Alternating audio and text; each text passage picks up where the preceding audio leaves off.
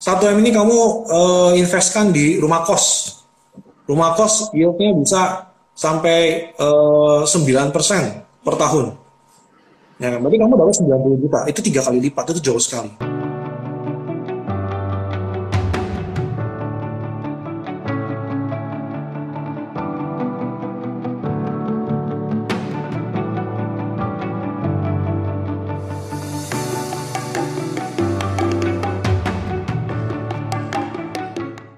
Selamat malam, Bang Erik.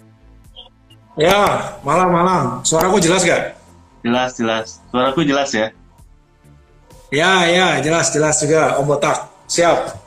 Walaupun botakan gue. Mungkin rambut lagi, nanti kalau udah rambut lagi lebih botak. Iya, iya, iya, iya, iya. Udah, udah hadir malam ini di di Instagram Live ya. Um, Ya. Sebelumnya mungkin teman-teman yang yang belum kenal ya siapa tuh seorang Erik Hermanto, guru properti. Mungkin boleh dijelaskan uh, backgroundnya dulu kali Om. Supaya teman-teman Oh, bisa lebih kenal. ya, ya. Ya, saya masih terus belajar lah. Nggak ada apa-apanya.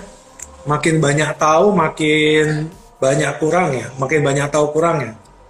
Ya, tapi eh, untuk unsur profesionalism, eh, jadi saya ini saat ini salah satu dosen-dosen di Panangian School of Property.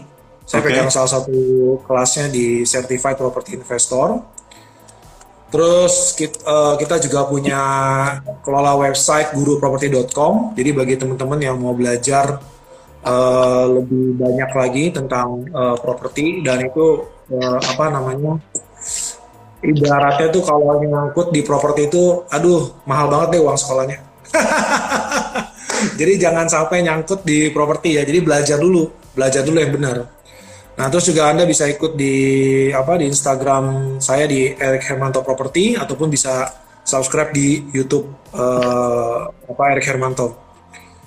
Dan eh, saya juga eh, apa namanya eh, menjadi mentor, menjadi mentor bagi beberapa eh, teman-teman yang mau belajar lebih eh, dalam lagi gitu. Nah, jadi itu sekilas lah tentang saya. Nanti satu jam habis kenalin saya aja. Gak apa-apa kan? Ya. Gak kenal gak sayang kita. Santai, santai. Oke. Mantap, Ya. mantap, mantap. Nah, ini kita sebenarnya ngomongin properti itu eh, menarik banget ya karena di sini kan backgroundnya tuh teman-teman eh, yang yang di Botakers ini sebenarnya teman-temannya adalah seller online. Jadi kan mereka bisnis online, jualannya mostly kalau di kita di marketplace ya, di Tokopedia, Shopee, Lazada, Bukalapak, Blibli dan dan lain-lain ya. Nah, pasti Oke. teman-teman ini eh, pengen dari hasil usaha ini pengen diinvestasikan kan Ya, pengen diinvestasikan, mungkin sebelumnya pertanyaan awalnya ya, boleh nggak sih eh, sharing sedikit jenis-jenis investasi sama returnnya gitu ya, plus minusnya kurang lebih. oke. Nah, jadi ini ini eh, pertanyaan dari Om Botak ini me- me- me- me- apa ya? Mengingatkan aku sama satu cerita menarik nih. Eh, jadi ini eh, jadi waktu itu saya jadi kebetulan saya dari teknik sipil ya jadi kebetulan saya lulusan teknik sipil Eh, jadi ada teman kuliah saya udah lama nggak ketemu ya kan dulu kita berdua jagoan main pingpong jadi di kampus itu kita double kita juara kampus lah Nah, temanku ini eh udah lama gak ketemuan terus akhirnya suatu hari dia ngajak. Jadi ini nanti nyambung ya dengan pertanyaan dari Om Botak. Nanti nyambung. Tapi ini menarik sekali ceritanya. Dan ini aku sering sharing ke teman-teman. Eh, pentingnya belajar investasi gitu loh. No matter what your profession is. Jadi profesi Anda apa pun ini pentingnya belajar investasi karena ini. Nah, coba eh, dengerin ya. Eh jadi ini eh, teman kuliah aku udah lama, udah lama gak main pingpong, dia ajakin aku main pingpong. Oke, yuk kita main pingpong. Yuk Rick, ke klub house gue, dia bilang, oke, ya ke klub house-nya dia. Kita main pingpong, kita menghabiskan sore yang indah, ketawa-ketawa, mengenang masa lalu bersama ya. Uh, terus udah gitu pulangnya kayak udah malam terus dia bilang Rick yuk makan ma makan malam dulu bareng sama di rumah gitu loh ya kan. Dan kebetulan mereka suami istri dua-duanya anak-anak teknik sipil. Jadi dua-duanya aku kenal kenal baik lah. Nah dan ini dua-duanya ini anak-anak pinter ya. Anak-anak pinter dan IPK-nya tuh di atas tiga setengah dan mereka S2 ya dan uh, profesi mereka itu adalah karyawan profesional nah kemudian uh, ini dari umur yang 40 nih ya. Jadi kalau Anda yang menganggap umur gue 30-an, thanks ya. nah, terus kemudian uh, istrinya pada saat lagi makan, istrinya nyeletuk. Rick, lu ajarin dong si ini nih, temen lu nih, nanti 15 tahun lagi pensiun gimana? Dia bilang gitu. Karena dia ngeliat aku sebagai seorang pebisnis yang ah, menurut dia lebih sukses dan seterusnya lah, ya kan. aku bilang, uh, aku aku udah aku kemudian aku mikir gitu loh aku mikir aku mikir karena aku tahu sekali temanku ini kan ngajarin bisnis aku bilang uh, temanku ini nggak mungkin jadi seorang wirausaha ya jadi jadi seorang bisnis itu uh, bagi sebagian orang mudah tapi bagian sebagian bagi sebagian se apa namanya sebesar eh sebesar sebagian besar orang itu tidak mudah. Yeah. ya tapi kalau teman-teman di sini sih uh, ini udah jiwa wirausaha semua sih mantap nih ya sales online semua nih. Ya itu itu bagus. Uh, kemudian uh, aku bilang ini kalau jadi pengusaha temanku pasti nggak bakal sanggup nih. Karena mental pengusaha itu harus tough harus tangguh. Apalagi di masa-masa covid seperti ini yang survive itu menang. Yang nggak? Survive ini ini adalah pembuktian. Ini masa-masa pembuktian. Ya. Temanku ini jujur uh, terus orangnya lurus-lurus saja terus kemudian tulisannya paling rapi. Bahkan cewek aja kalah. Wah. kalau kamu masuk ke kamarnya nggak ada barang seberantakan sedikit pun nggak ada. Ya semuanya tertata dengan rapi. Jadi dari sini kemudian uh, aku teringat dengan uh, kuadran uh, the four quadrant of Robert Kiyosaki. Ya lalu aku teringat Robert Kiyosaki itu punya empat kuadran. Sebelah kiri atas itu adalah kuadran employee, kiri bawah itu kuadran self employed. Jadi teman-teman pasti tahu uh, apa namanya empat kuadran ini lah ya, karena ngetop sekali dari Rich Dad Poor Dad, Robert Kiyosaki. Terus kemudian yang kuadran kanan atas itu adalah uh, apa namanya businessman, yang bawah ini adalah kanan bawah itu adalah investor, ya. Nah, setiap or setiap orang, setiap orang itu punya profesinya masing-masing. Ada di employee, self-employed, ada di businessman. Tapi Anda tidak perlu pindah kuadran. Jadi kalau Robert Kiyosaki itu bilang kalau kamu mau kaya raya kamu harus pindah dari kuadran kiri ke kuadran kanan dia bilang. Ya. Uh, tapi kalau menurutku enggak karena nggak gampang. Jadi dalam pengalaman hidupku selama ini ternyata nggak gampang loh orang pindah kuadran itu bukan perkara gampang.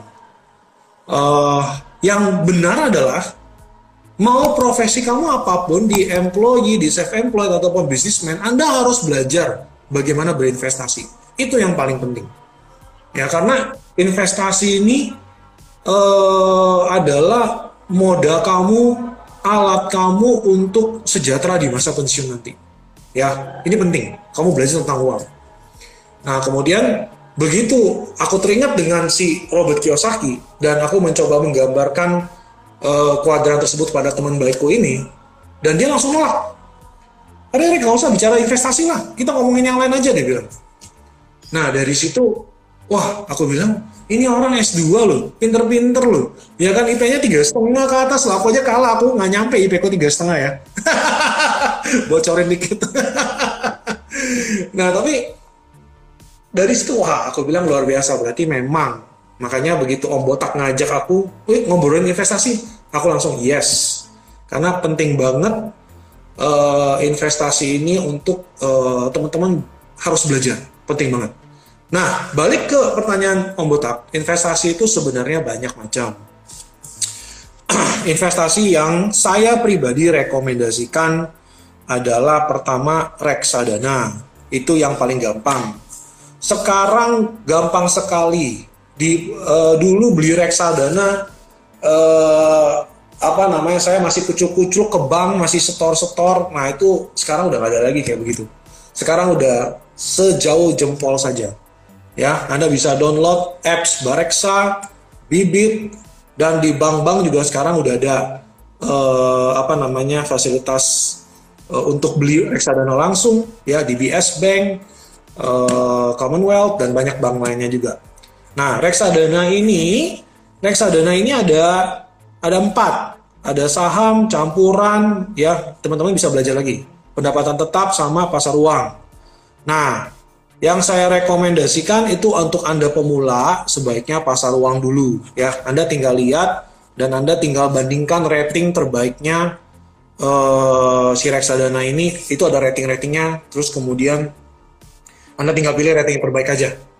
Nah pasar uang tentu dari sisi dari sisi return itu uh, memang paling kecil tapi paling aman. Ini memang sejalan dengan uh, prinsip dasar investasi yaitu adalah low risk low gain, high risk high gain. Nah, pendapatan tetap tentu penda, uh, pasar uang itu sekitar 6% sampai 8%. Ya, kalau pendapatan tetap itu around uh, 8 to 10. Ya, 8% sampai 10% per tahun. Ya, bukan per bulan. Kalau per bulan money game. ya, jadi teman-teman ingat ya, kalau Anda ditawarin return ya lebih dari 30% per tahun, itu udah Anda harus hati-hati. Ya, kalau Anda tawarin ya 10% per bulan, wah gila itu udah 12 bulan udah 120%, udah nggak mungkin itu. Ya, jadi Anda harus curiga, kita harus pinter, logiknya harus main. Kalau Anda ditawarin orang 30% per lebih dari 30% per tahun, nah itu Anda harus hati-hati ya. Nah, lalu campuran sama saham ya ini uh, apa namanya naik turun ya. Uh, cocoknya untuk long term. Nah, ini disesuaikan lagi. Kalau Anda kebutuhannya untuk jangka pendek ya mainnya yang safe aja, yang aman, pasar uang sama pendapatan tetap. Nah, kemudian uh, investasi yang aku anjurkan berikutnya itu adalah emas. Ya. LM. Logam mulia, bukan emas perhiasan ya. Karena kalau emas perhiasan itu bukan emas investasi ya nah LM yang aku anjurkan LM logam mulia nah logam mulia ini terserah sekarang banyak mereknya. Ada Antam ada UBS ya. Uh, terus ada satu lagi aduh aku lupa mereknya apa. Nah sekarang pun juga bisa beli secara online dan pecahannya bisa 0,01 gram something gitu loh. Ya itu bisa dimulai. Jadi uh, apa bisa juga beli secara konvensional di toko emas tradisional ya. Dan tentunya aku lebih rekomendasikan sih sebenarnya untuk yang konvensional. Kenapa karena spreadnya itu nggak jauh. Kalau yang model online kamu uh, itu spread memang uangnya kecil tapi spreadnya itu mereka jauh sekali. Jadi kayak gain kamu agak berkurang gitu loh. Jadi capek dikit konvensional uh, beli minimal uh, eh, 5 gram lah ya. 5 gram jadi supaya nggak terlalu habis. Uh, nah ini di keep terus nih. Di keep di keep di keep terus ya. Dan anda belajar sisihkan uang anda 50% dari penghasilan anda tiap bulan kalau anda bisa mensisihkan 50% anda penghasilan anda setiap bulan dari uh, dari gaji anda atau dari penghasilan anda nah itu itu sudah top luar biasa well seperti kata Om Warren Buffett disiplin adalah kunci sukses dalam berinvestasi. Ya. Nah, itu penting. Nah, balik ke LM lagi eh apa namanya? Kenapa kenapa 5 gram? Karena itu dia makin harga emas itu LM itu eh, apa namanya? Kalau 100 gram itu baru harga sesuai dengan harga aslinya. Di bawah 100 gram eh, dia ada ongkos-ongkosnya. Nah, makanya semakin kecil semakin gede ongkosnya itu nggak nggak bagus nggak bagus untuk uh, harga programnya kita jadi belinya lebih mahal ya nah jadi uh, teman-teman teman-teman kalau bisa beli lebih lebih besar ya lebih bagus gitu loh ya disimpan di keep emas itu nggak bakalan nggak bakalan apa namanya eh, nggak uh, bakalan turun lah karena itu sudah terbukti dari zamannya mamaku mamaku masih 17 tahun itu udah aku bener-bener jadi apa ya role model lah mamaku nih dalam LM ini aku beliau menjadi role model buat saya Kenapa? Karena dia dari 17 tahun dia udah ngumpulin emas batangan itu yang masih lantakan yang masih jelek-jelek tuh dulu bentuknya nggak beraturan gitu loh. Ya. Uh, Om Botak tahu nggak? Pernah lihat nggak uh, emas batangan yang lantakan yang jelek-jelek tuh yang dari tahun jebot itu? Hmm. Dari 50 tahun yang lalu. Pernah dengar tapi nggak pernah lihat. Tapi memang nggak pernah lihat ya. Nggak pernah lihat. Ya mungkin kalau Google sih ini cuma memang pernah sering dengar orang cerita. Oh yang bukan LM zaman dulu gitu ya. Yang bukan LM kayak sekarang ya yang udah rapi gitu ya. Iya. Yeah.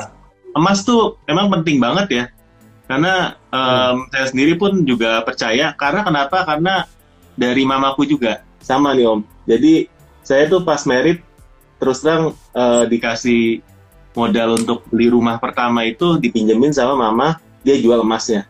Jadi wow. kalau ada itu mungkin ya susah ya kan? Karena memang emas itu kan jaga menjaga inflasi kan ya minimal ya. Betul. Betul betul. Bukan menjaga inflasi. Uh, mengimbangi, mengalahkan. Nah, mengalahkan inflasi, ya. Jadi ya. benar sih setiap orang dulu ada duit tiket beli emas, beli emas, beli emas. Saya sih sampai sekarang juga masih percaya banget gitu ya untuk untuk apa nabung di emas karena nuker emasnya itu berat kayaknya. Kecuali perlu banget. Kecuali perlu banget, karena itu berat. Buat saya sih. betul, betul, betul, betul, betul, betul. Nah ini uh, satu faktor juga. Jadi ketika kamu beli fisik, ketika kamu beli fisik, kamu akan muncul perasaan sayang untuk melepas. Itu benar sekali. Dan setiap yeah. orang merasakan itu.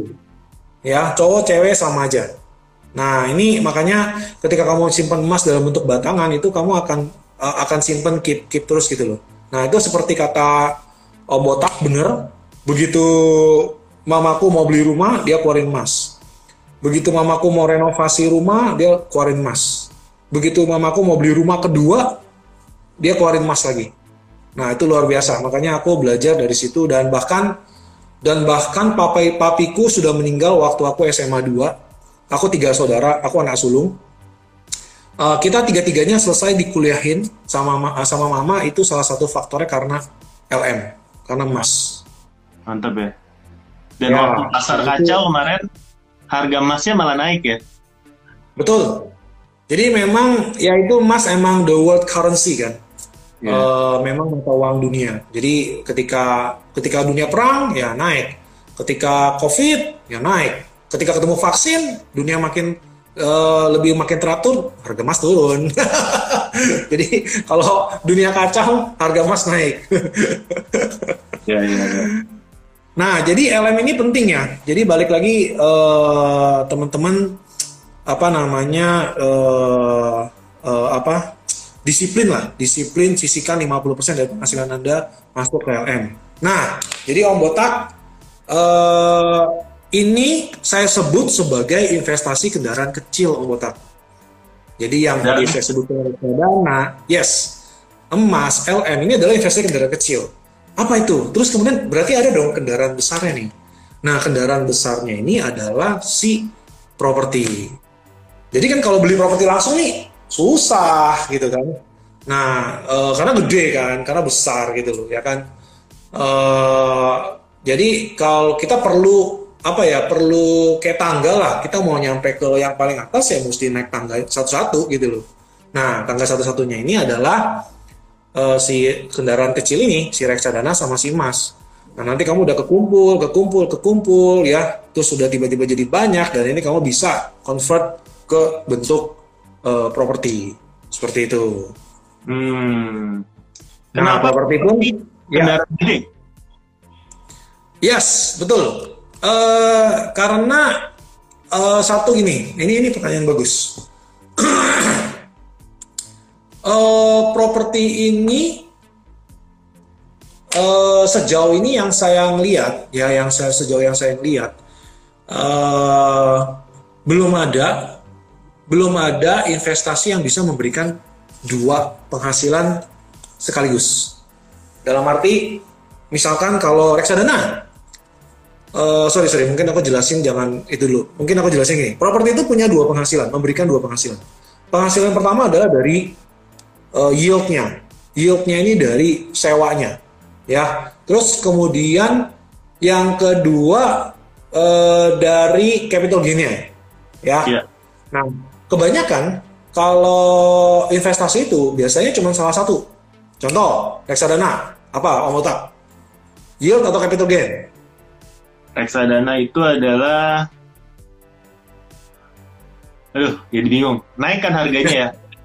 Naik ya berarti capital capital gain. Betul sekali. Ya karena dividennya nggak dapat, saham baru dapat. Betul. Betul sekali. LM, LM ya capital gain. Deposito, Deposito yield. yield, betul sekali. Oh, udah pinter nih Om Botak nih. Ya, jadi eh nah, properti ini menariknya dia bisa memberikan dua penghasilan dari yield sama capital gain. Ya. Nah, teman-teman, pada saat Anda investasi properti, saya punya satu konsep yang namanya cash flow property. Jadi eh, jangan fokus ke capital gain ya. Kalau Anda fokus ke capital gain ya, nanti Anda bakalan terserungkup apa itu terserungkup? Ya, tersungkur lah gitu loh. Ya, itu bisa kejebak. Jadi ada capital gain itu ada jebakannya gitu. Jadi eh, bisa salah mindsetnya.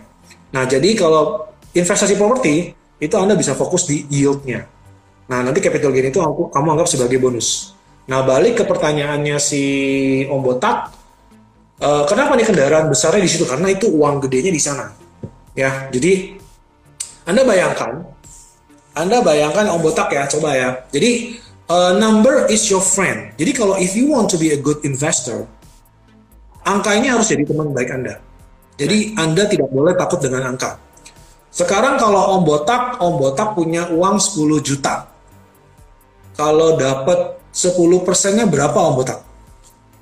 Satu juta. 1 juta. Ya. Kalau punya properti 1 miliar, 10 persennya berapa Om Botak? 100 juta. Nah, itu. Numbersnya different. Angkanya beda. Jadi, digedein angkanya. Maksudnya, eh, yang tadi kendaraan kecil itu kan, itu uang kecil-kecil-kecil kan. Ya, kita kumpulin, kita belikan propertinya, propertinya kan nilainya gede, Pak. Nah, nilai gede itu akan memberikan eh, return yang ibaratnya lebih nikmat. Sekali sekali sekali jos kamu dapat sewanya atau kamu bisa berdayakan. Jadi propertinya itu ibaratnya kalau emas kan ya udah kamu beli emas selesai kamu taruh. Atau kamu beli reksadana udah selesai kamu invest reksadana selesai. Nah, tapi properti ini bisa dimainkan. Kamu bisa banyak caranya gitu loh. Ada eh, contohnya misalnya katakanlah Om Botak beli propertinya 1M. Ya, contoh ini contoh yang paling sederhana. Kemudian Om Botak beli, nah ini mesti mikir nih, Om Botak udah siap kertas sama pen belum? Siap, siap. Kemudian kemudian Om Botak beli properti harganya 200 eh, pakai DP-nya. DP-nya 200 juta nih Om Botak. Oke? Bisa ikutin Oke. ya. Ya, bisa. Nah. Kemudian propertinya naik 10%. Ya. Jadi 1,1 M betul ya Om Botak ya? Ya. Nah. Berarti untungnya berapa Om Botak? Untungnya 50%. tuh, udah pinter tuh. Kenapa bisa? Kenapa bisa? Iya. Kenapa bisa 50% Om Botak? Ya, Kok kita nggak kan 10%? Kita kan pedagang, pedagang Om. Kalau pedagang kita lihat dari modal. Karena modalnya Nah. kan DP di 200 juta. Betul. Nah, ini salah satu kehebatan dari properti. Properti itu ya? bisa daya ungkit leverage ya kan? Terus kemudian eh, dan semua bank eh, bisa menerima mengakui bahwa properti itu adalah sebuah agunan yang baik sekali, kolateral yang bagus.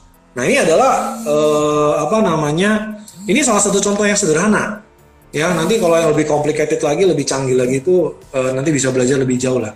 Karena ini masih kelas pemula nih kata Om Botak. Oke lah, ikutin. silakan, silakan. Nah ini eh ada yang nanya langsung nih. Properti Boleh. lebih direkomend berupa rumah atau tanah Om katanya atau toko dari Ah, Farika. Oke, nah ini pertanyaan bagus. Eh, jadi gini, eh aku nggak suka tanah. Kenapa? Karena nggak ada cash flow. Ya, yang aku suka tadi konsepnya adalah cash flow property. Kita beli properti yang bisa memberikan cash flow. ya. Kalau rumah, betul, yes, itu bisa memberikan cash flow. Tapi buat apa? Kenapa? Kenapa buat apa? Sekarang kalau kamu rumah, kamu beli 1M. 1M rumah paling disewain 3% setahun. Setahun 3% berarti cuma kamu dapat 30 juta per tahun. Ya, bisa ikutin ya. Nah, tapi kalau misalnya uh, apa namanya 1M ini 1M ini kamu uh, investkan di rumah kos. Rumah kos yieldnya bisa sampai uh, 9% per tahun. Ya, berarti kamu dapat 90 juta. Itu tiga kali lipat, itu jauh sekali. Nah, ini salah satu contoh uh, aku ini salah satu contoh cash flow property. Jadi uh, apa namanya uh, mencari properti yang memiliki yield yang paling tinggi supaya bisa meng, uh, mengembangbiakan uang kita dengan lebih cepat. Nah kalau toko, toko ini buat apa nih? Kalau buat pakai sendiri, itu uh, apa namanya silakan, ya kan nggak ada uh, ibaratnya kalau buat pakai sendiri kan itu bukan apa ya, bukan investasi lah karena kamu pakai buat dagang sendiri kan. Tapi kalau kamu toko yang buat misalkan kios ya, kios uh, kayak di mall, itu sih aku nggak rekomend ya. Kenapa? Karena kios itu eh, termasuk barang komersil, termasuk properti yang komersil. Nah, properti komersil itu bank itu nggak terlalu suka. Bank itu eh, lebih suka yang low risk. Bank itu selalu mau yang aman. Jadi kalau barang yang komersil itu bank itu biasanya kasih pinjamannya uh, either tenornya dipendekin atau plafonnya dikecilin. Nah, itu bank itu akan uh, apa akan melihat ke sana gitu loh. Nah, kemudian uh, ini ada ada kita tanya gudang nih. Kalau gudang gimana? Nah ini uh, gudang gudang itu bisa yieldnya 7 sampai 8 persen. Yes. Dan gudang itu sekarang uh, memang lagi trending trending naik sekarang. Karena uh, apa namanya uh, karena dengan online shop ini banyak mubazir apa namanya membanjir ya. Lazada aja sampai expand pabriknya gudangnya luar biasa sekali ya. Uh, itu memang uh, lagi naik daun lah sekarang gudang. Nah di gudang juga memang perawatannya gampang. Uh, tapi balik lagi semuanya ke expertise areanya kalian masing-masing jadi contohnya gini dulu ada salah satu murid kita uh, Pak Ari saya sukanya gudang dia bilang kenapa karena saya suka bangunin gudangnya bos saya gitu loh. Gudang tuh gampang nggak perlu perawatan apa pun gitu loh. Jadi bisa uh, apa namanya tinggal masuk ya udah series aku nggak perlu renov, aku nggak perlu furnish lagi gitu loh. Jadi series apa adanya gitu loh. Ya itu masuk akal juga sih. Ya jadi ini balik lagi sekali lagi balik lagi ke expertise areanya kalian masing-masing. Jadi expertise area maksudnya kalian punya uh, bisanya apa gitu loh, senangnya apa gitu loh ya uh, balik lagi ke sana gitu.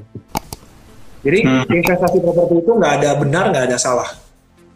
Ya, jadi yang penting kalian terus belajar, terus kalian ketemuin konsepnya, tapi jangan ikut-ikut ya. Mesti punya konsep investasi sendiri gitu loh. Nah, seperti itu. Nah, uh, kalau kalau mengenai itu berarti dari kesimpulannya saya boleh tarik kalau memang mau cari properti lebih baik cari yang ada bentuknya bukan tanah ya karena bisa menghasilkan yield itu pertama dan yang kedua Betul. kalau uh, cari tempat yang memang bisa disewakan kembali uh, dalam bentuk seperti kos-kosan gitu ya lebih baik dibandingkan dengan rumah betul betul betul. Apartemen atau rumah gitu maksudnya tingkatannya seperti apa sih? Ataukah memang sekarang kalau dilihat dari zamannya sekarang ya kosan itu lebih nggak laku dibandingkan dengan rumah di klaster yang uh, baik gitu ya. Karena orang semuanya work from home ya. Orang-orang juga perlu rumah misalnya buat tinggal sekaligus buat bisnis online daripada kos-kosan gitu. Maksudnya apakah hmm. ada pergeseran tren sejak covid kemarin oke okay.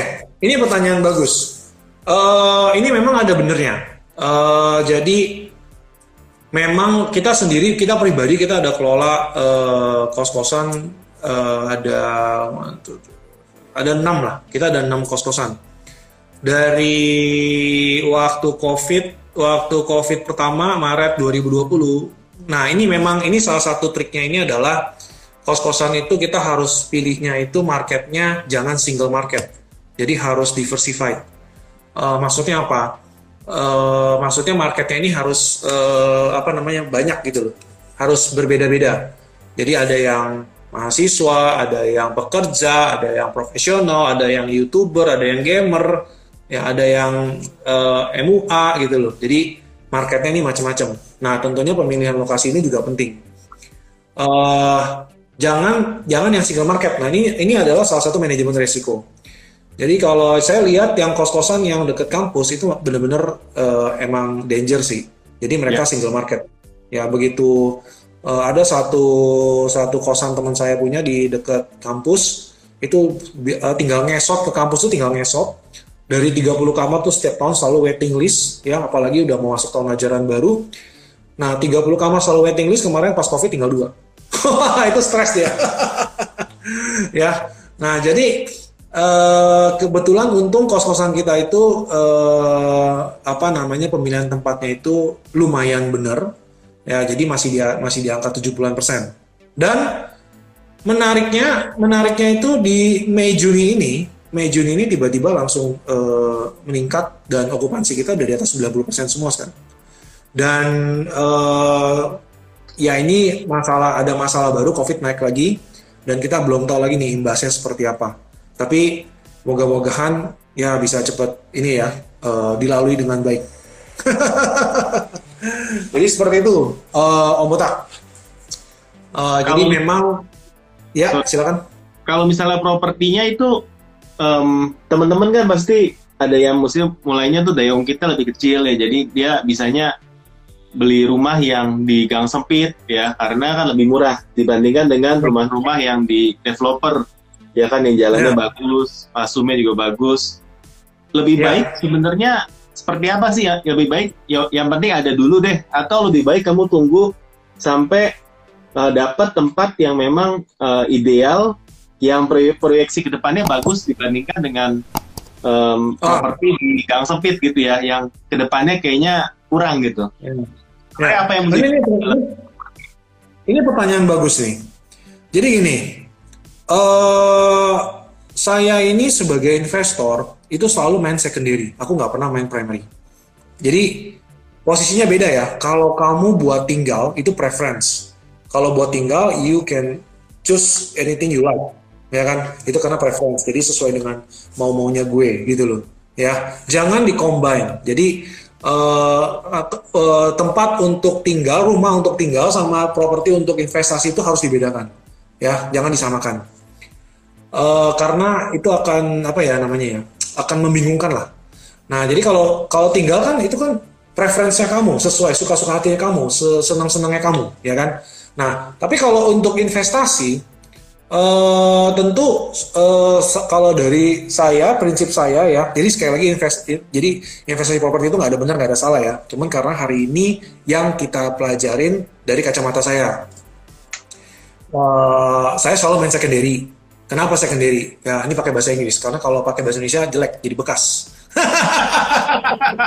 Rumah second. Makanya pakai bahasa Inggris. Ya. Rumah mantan. nah, uh, kenapa? Kenapa secondary? Selalu saya main secondary. Karena kalau secondary kita bisa ngecek ini makhluk apa aja yang tinggal di sini nih, ya kan? Okupansinya berapa? Kita bisa ngecek. Kalau primary kamu nggak akan bisa ngecek barangnya berhasil atau enggak, sukses atau enggak bahkan developernya sendiri nggak tahu barangnya bakal sukses atau enggak ya. Itu satu. Jadi selalu secondary.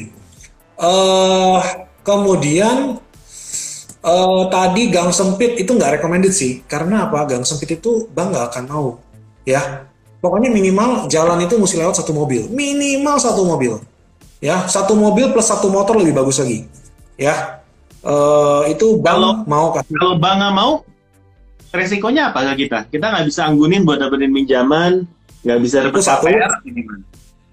Ya, itu satu nggak bisa diagunin. Dua, mau akuisisi kan juga susah kan, butuh uang besar kan. Kemudian tiga, mau jualnya juga nanti marketnya terbatas kan. Nah, seperti itu. Jadi uh, minimal satu mobil per satu motor. Itu uh, apa namanya? Itu paling bagus. Ya minimal. Iya. Yes. Jadi kalau jangan uh, kalau yang satu jangan jangan mikirnya jangan jangan murah gitu loh. Mikirnya jangan oh yang terjangkau. Nah ini ini ini, ini pola pikir yang salah ya. Jadi yang benar itu adalah Anda belajar dulu. Nah Anda belajar, kemudian Anda formulasikan yang cocoknya apa dan Anda mulai. Nah seperti itu. Ya jadi uh, apa namanya tadi selain rumah gang sempit atau apa? Di di developer uh, yang kasumnya nah, bagus. Nah, jadi beda kalau yang tadi yang developer ya berarti kalau buat tempat tinggal sendiri mah nggak masalah. Itu kamu tinggal tinggal tinggal pilih, tinggal sesuai dengan keinginan kamu. Tapi kalau buat investasi uh, apa namanya barang developer itu nggak bakal kamu dapat barang murah, nggak bakal dapat barang di bawah harga pasar, gitu loh, ya kan? Uh, hmm. Sering kali aku dapat challengingnya seperti ini Om Botak. Tapi Pak Erik, uh, barang primary kan kamu beli dari murah, nanti makin lama makin lama makin naik gitu kan. Nah itu tergantung marketnya kapan juga, time time-nya kapan. Jadi ada teman saya yang beli dari tahun 2014 sampai sekarang harganya masih sama. Mau dijual harga sama dia beli tahun 2014 nggak bisa kejual, gitu hmm. gitu loh. Ya jadi ini tergantung timingnya kapan. Tapi kalau kamu belinya tahun 2010-2012, wah itu naiknya luar biasa, gila-gilaan. Ya itu nah, benar. Karena anehnya, itu melewati timing. Tahun ini walaupun kondisi marketnya lagi sepi, developer terkenal juga nggak mau turunin harga. Uh, ada Dia sih. Sangat, sangat, sangat jaga harga kelihatannya. Itu yang... Enggak juga, Om. Enggak juga, Om.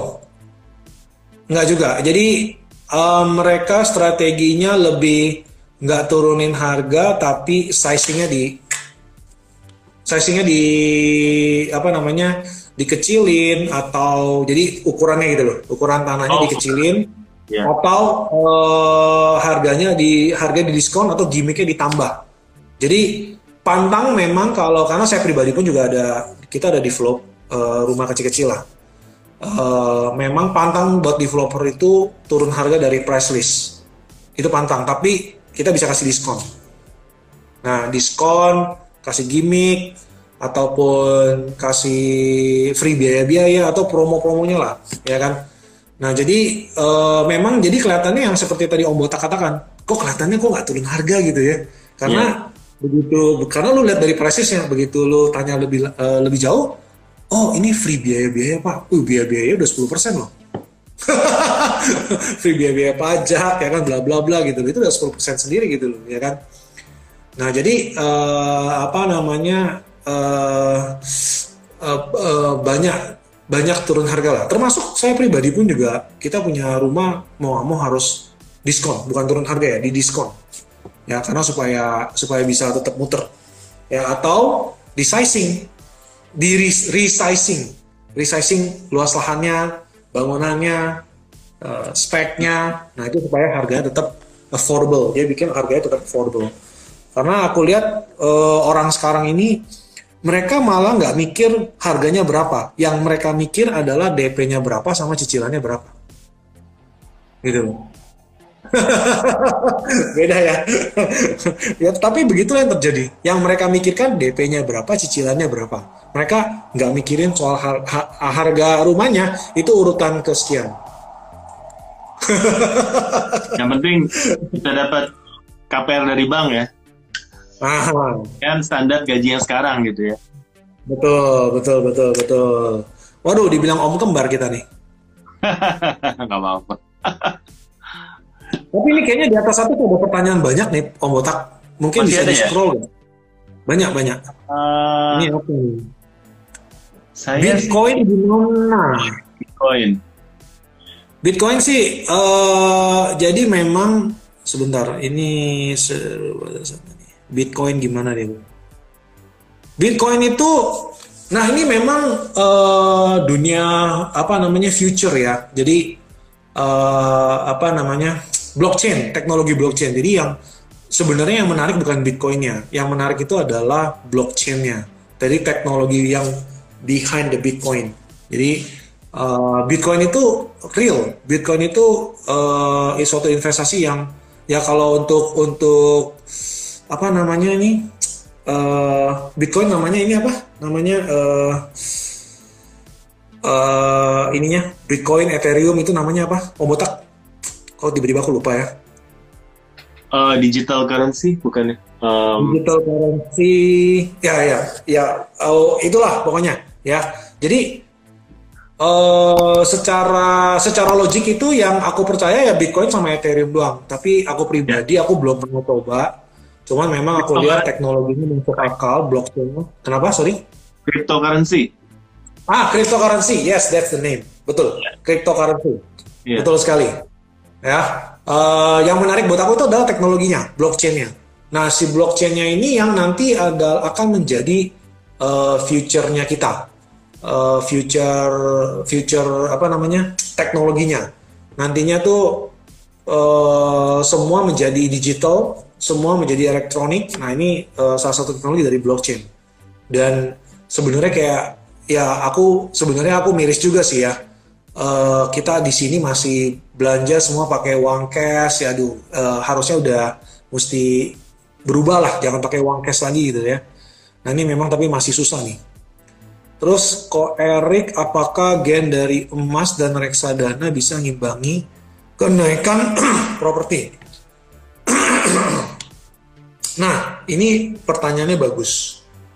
Eh jadi kalau contohnya kayak eh, kayak mamaku dia selalu mikirnya ke emas. Jadi ada uang lebih dia selalu mikir emas.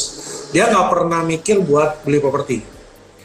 Nah tapi eh, dan itu mem- apa namanya save her life. Jadi ibaratnya eh, sampai usia sekarang pun dia masih jaya.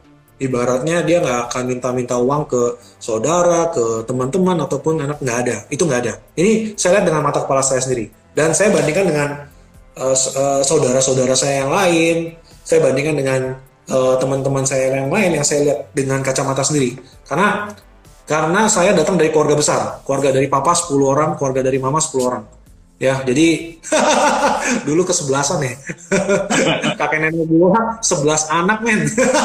Gak kebayang dah itu gimana ngurusnya. Waduh. Dari dari mama sama papa sama, dua-duanya 10 saudara. Luar biasa gak? Ya, jadi kita punya saudara banyak. Jadi aku banyak ngeliat eh, dari teman-teman juga. Nah, ini mamiku eh, aku bersyukur beliau memberikan contoh yang baik. Eh, dan maksudnya hidup di masa tua pun dia sejahtera. Ya, nggak kekurangan uang sama sekali. Kemudian kalau dibilang kenaik bisa mengimbangi kenaikan properti, jadi gini.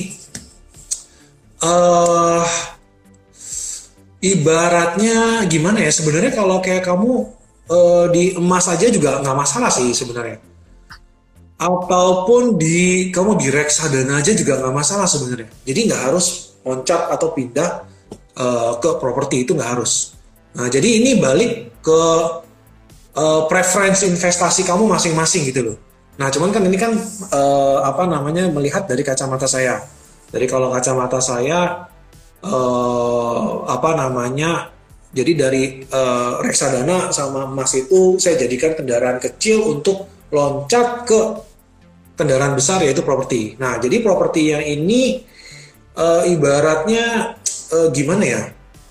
Karena ini semuanya cash flow properti, eh, Anda bayangkan ya. Jadi aku nggak nggak punya nggak nggak hanya punya satu sumber penghasilan doang. Aku bisa punya dua sumber penghasilan. Eh, dari satu propertinya itu harganya naik naik terus, kedua propertinya itu bisa mengenerate income buat kita. Kalau kamu cuma emas kan, emas ya cuma naik doang, capital gain doang, that's it selesai. Kemudian kalau reksadana juga sama, reksadana cuma capital gain doang, that's it selesai gitu loh. Nah jadi eh, kamu nggak bisa lakukan banyak, kamu nggak bisa bermain kreativitas kamu di sana gitu loh. Nah kurang lebih gitu. Eh, tapi ini nggak apa-apa, nggak masalah. eh, balik lagi ke preference orang masing-masing. Oke, preference orang masing-masing. Yes. Ini menarik nih pertanyaannya nih.